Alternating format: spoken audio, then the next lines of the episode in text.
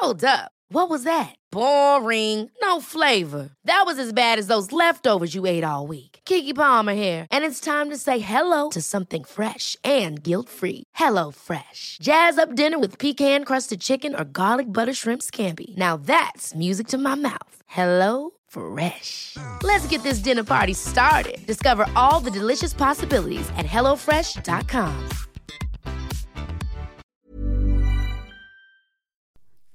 Välkomna till dagens citat. Hur mår du? Hur har du det där ute? Hur tar livet hand om dig? Är allting fint? Är allting bra? Eller är det just nu lite tufft? Ja, vilken kamp du än går igenom så kom ihåg att de ljusa stunderna kommer komma tillbaka. Det har blivit dags för ett till citat. Epiktetus.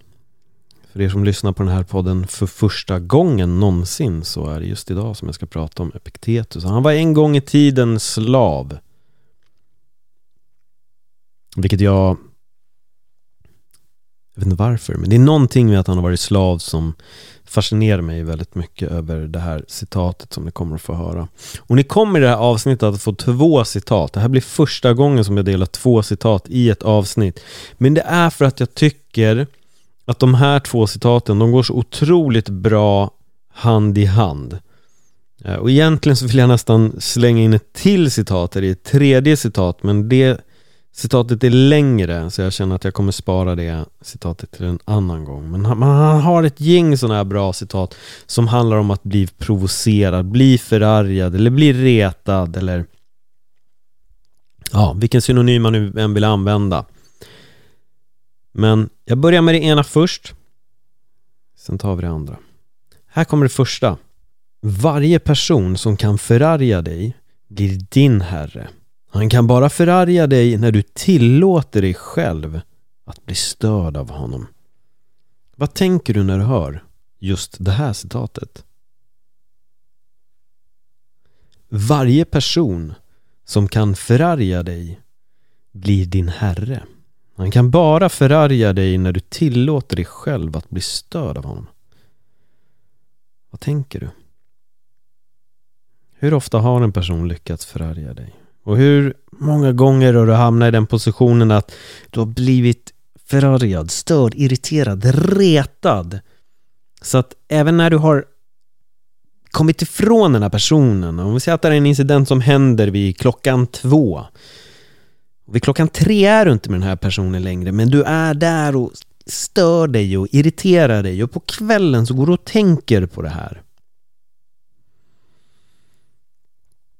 Då har den personen blivit din herre, din mästare. Den personen äger dig, den bor i ditt huvud utan att betala hyra som man brukar säga.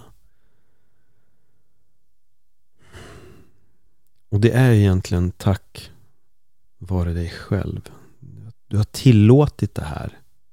Du har tillåtit det här. Så här kommer det andra citatet som är lite kortare. Om någon lyckas provocera dig, inse att ditt sinne är delaktigt i den provokationen.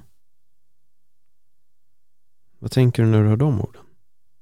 Om någon lyckas provocera dig, inse att ditt sinne är delaktigt i provokationen.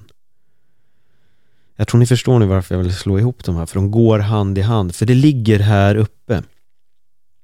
Det är uppe i vårt huvud. Det är där vi blir provocerade. Det är det det handlar om. Vi kan frigöra oss så mycket från provokationer.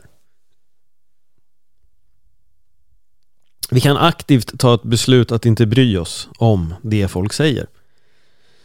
Det spelar egentligen ingen roll vad folk säger. Jag pratade om det här i förra veckan också. Jag var inne på det här och vidrörde vid det här med hur lätt vi blir provocerade och lite det här med kränktheten som är idag. Men om man går på den stoiska läran så måste man inse att allting som lyckas krypa under skinnet på mig, det gör det på grund av att jag tillåter det själv. Och det handlar inte om att bara ignorera allting som alla andra säger, men det handlar också om vad är egentligen viktigt att ta åt sig utav. Och om någon lyckas provocera dig inse att du är själv delaktig i den provokationen.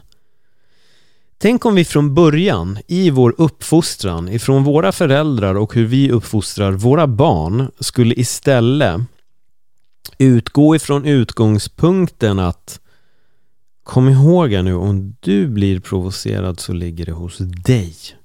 Tillåt ingen provocera dig. Tillåt ingen förarga dig. Tillåt ingen reta, irritera dig. Tänk vilken frihet det skulle vara. När någon kallar dig för jävla svartskalle, jävla bög, din jävla idiot, din jävla hora. Tänk er bara alla de här orden som är så jobbiga att höra. Men att när du hör dem så är det bara Oj, så får man nästan komma med det gamla uttrycket istället. Ja, du behöver nog tvätta munnen med lite tvål du. Men tänk istället att vi blir så otroligt provocerade av ord. Ord är våld, har jag sett flera människor säga. Ja, det kan det absolut vara. Men när någon person som man knappt känner eller egentligen har någon speciell relation till, vänskaplig eller något, börjar slänga med sådana här ord så har man ju faktiskt ett alternativ att skratta åt det och tycka att oj, du har verkligen vaknat på fel sida. Men vi är ju alltid delaktiga i provokationen och vi väljer att låta det här krypa under skinnet på oss. Istället för att bara inse att det här är en person som slänger ur sig en massa glåpord. Men de betyder ingenting egentligen för att jag är inte är intresserad av att gå in i det. Jag har så mycket annat för mig som att njuta av livet. Njuta av att träffa människor som har vettiga saker att säga till mig eller Därför är det bättre att istället Ge någon ett leende på tunnelbanan. Säg hej.